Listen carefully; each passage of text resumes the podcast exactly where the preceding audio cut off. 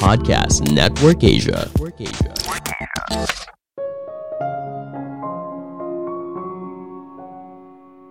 Jangan takut untuk buat standar yang tinggi untuk dirimu dan bekerja keras untuk mencapainya.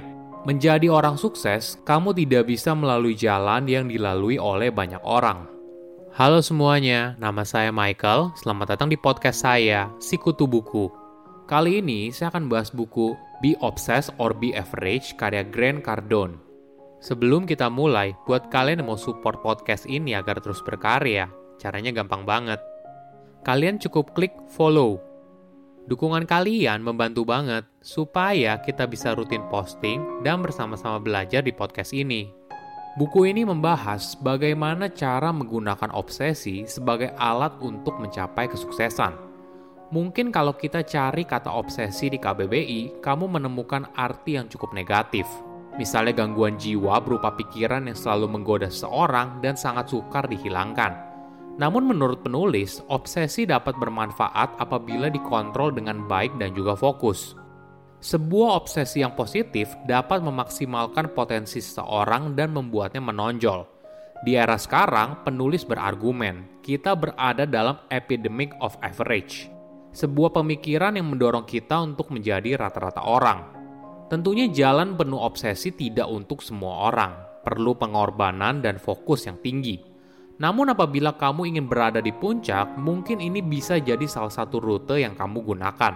Saya merangkumnya menjadi tiga hal penting dari buku ini.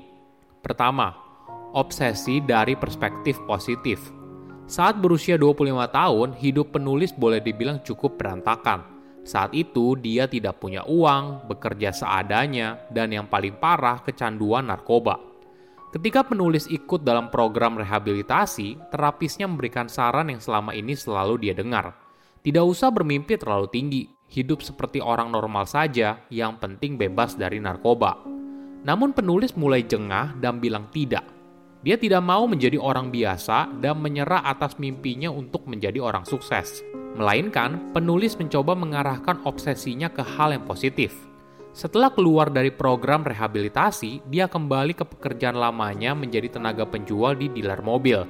Tiga tahun kemudian, penulis masuk dalam jajaran satu persen tenaga penjual terbaik di seluruh industri mobil.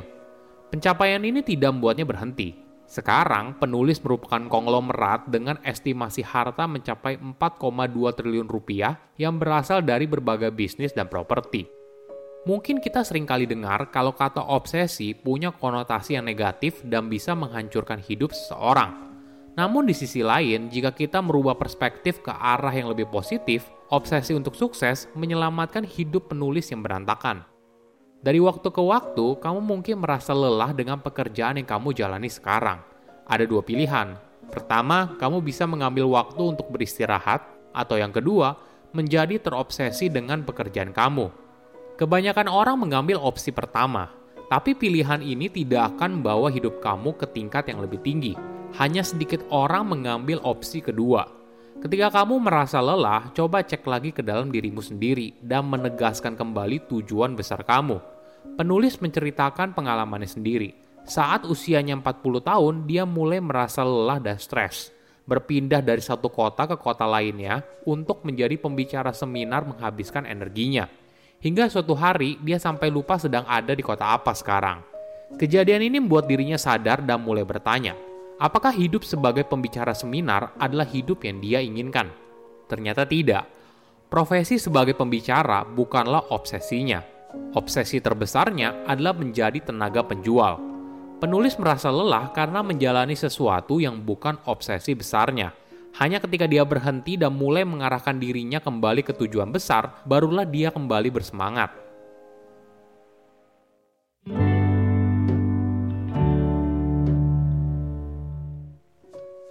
Kedua, jangan takut punya mimpi yang besar. Ada rahasia menarik dari para orang sukses. Tidak ada orang yang benar-benar tahu di masa depan itu seperti apa Bahkan konglomerat sekalipun tidak bisa memprediksi secara detail bagaimana mereka akhirnya bisa kaya raya. Hidup punya misterinya sendiri. Fokus kamu seharusnya pada dua hal. Pertama, berjanji 10 kali dari apa yang mungkin kamu lakukan. Kedua, dorong diri kamu dan juga tim kamu untuk bisa mencapai hal tersebut. Mungkin cara ini sering kali dianggap tidak masuk akal. Kita mungkin diberitahu under promise over deliver. Berjanji seminim mungkin tapi bisa memberikan hasil yang jauh lebih tinggi dari janji tersebut. Namun pertanyaannya, ketika kamu membuat janji yang minim, apakah hasil yang kamu berikan itu rata-rata atau di atas rata-rata? Contohnya gini, kamu berjanji untuk memproduksi 100 produk dalam sehari. Nah, sebenarnya kamu bisa produksi 150 produk per hari. Ketika kamu berhasil memproduksi 150 produk per hari, maka ini bukan artinya kamu mencapai target yang tinggi. Ketika kamu bisa mencapai 200 produk per hari, barulah kamu memberikan hasil di luar harapan. Ada contoh yang menarik. Pada tahun 1995, Robert Kraft mengambil alih klub football Amerika bernama New England Patriots. Saat itu, klub berada dalam kondisi yang penuh tantangan. Namun hal ini tidak menghentikan Robert untuk membuat janji yang besar. Dia berjanji, klub football itu akan menjadi juara dalam pertandingan olahraga bergengsi bernama Super Bowl. Mimpi besar ini tidak hanya sebagai mimpi, tapi didorong dengan langkah jelas bagaimana klub tersebut bisa menang. Di bawah pimpinan Robert, klub tersebut akhirnya berhasil memenangkan kejuaraan Super Bowl sebanyak lima kali.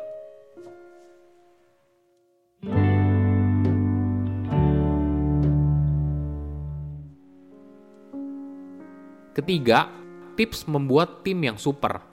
Orang yang terobsesi tidak menyerah. Kamu akan gagal hanya ketika kamu menyerah. Perbedaan utama orang yang sukses dan gagal adalah orang itu tetap bertahan dalam permainan ketika yang lainnya menyerah. Namun perlu diingat, kita tidak bisa sendirian. Kamu harus menemukan orang yang punya obsesi besar yang sama.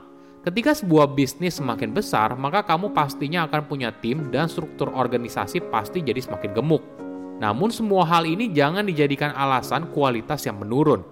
Kamu harus bisa memastikan orang yang bekerja dengan kamu memiliki passion dan obsesi yang sama. Jangan takut membuat keputusan untuk menyenangkan semua orang. Ketika merekrut karyawan, berikan gaji yang pantas dan perlakukan mereka dengan adil. Sebagai gantinya, mereka diharapkan untuk mencapai standar kerja yang tinggi ternyata mereka tidak sanggup, maka kamu harus berani mengambil keputusan yang sulit, mulai dari ajak bicara, memberikan pelatihan, atau pada pilihan terakhir, memecat mereka. Di era sekarang, sudah mulai lumrah ketika seorang karyawan berpindah dari satu pekerjaan ke pekerjaan lainnya sepanjang karir. Hal lain yang penting, ketika karyawan memberikan hasil yang baik, jangan lupa untuk berikan apresiasi.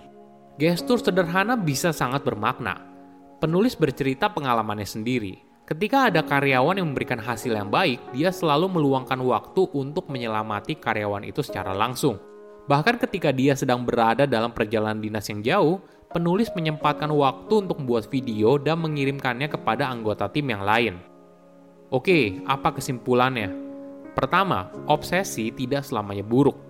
Mungkin kita sering kali dengar kalau kata obsesi punya konotasi yang negatif dan bisa menghancurkan hidup seseorang. Namun di sisi lain, jika kita merubah perspektif ke arah yang lebih positif, obsesi untuk sukses yang menyelamatkan hidup penulis yang berantakan. Kedua, mimpi besar dan aksi besar. Hidup punya misterinya sendiri. Fokus kamu seharusnya pada dua hal. Pertama, berjanji 10 kali dari apa yang mungkin kamu lakukan. Kedua, dorong diri kamu dan juga tim kamu untuk bisa mencapai hal tersebut. Dengan cara ini, barulah kamu bisa mencapai hal yang besar dalam hidup. Ketiga, menciptakan super team. Kita tidak bisa sendirian. Kamu harus menemukan orang yang punya obsesi besar yang sama. Ketika sebuah bisnis semakin besar, maka kamu pastinya akan punya tim dan struktur organisasi pasti jadi semakin gemuk. Namun semua hal ini jangan dijadikan alasan kualitas yang menurun. Kamu harus bisa memastikan orang yang bekerja dengan kamu memiliki passion dan juga obsesi yang sama. Saya undur diri, jangan lupa follow podcast Sikutu Buku. Bye-bye.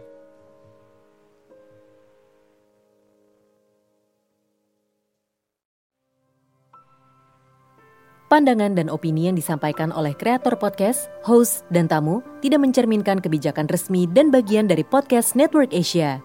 Setiap konten yang disampaikan mereka di dalam podcast adalah opini mereka sendiri dan tidak bermaksud untuk merugikan agama, grup etnik, perkumpulan, organisasi, perusahaan, perorangan, atau siapa pun dan apa pun.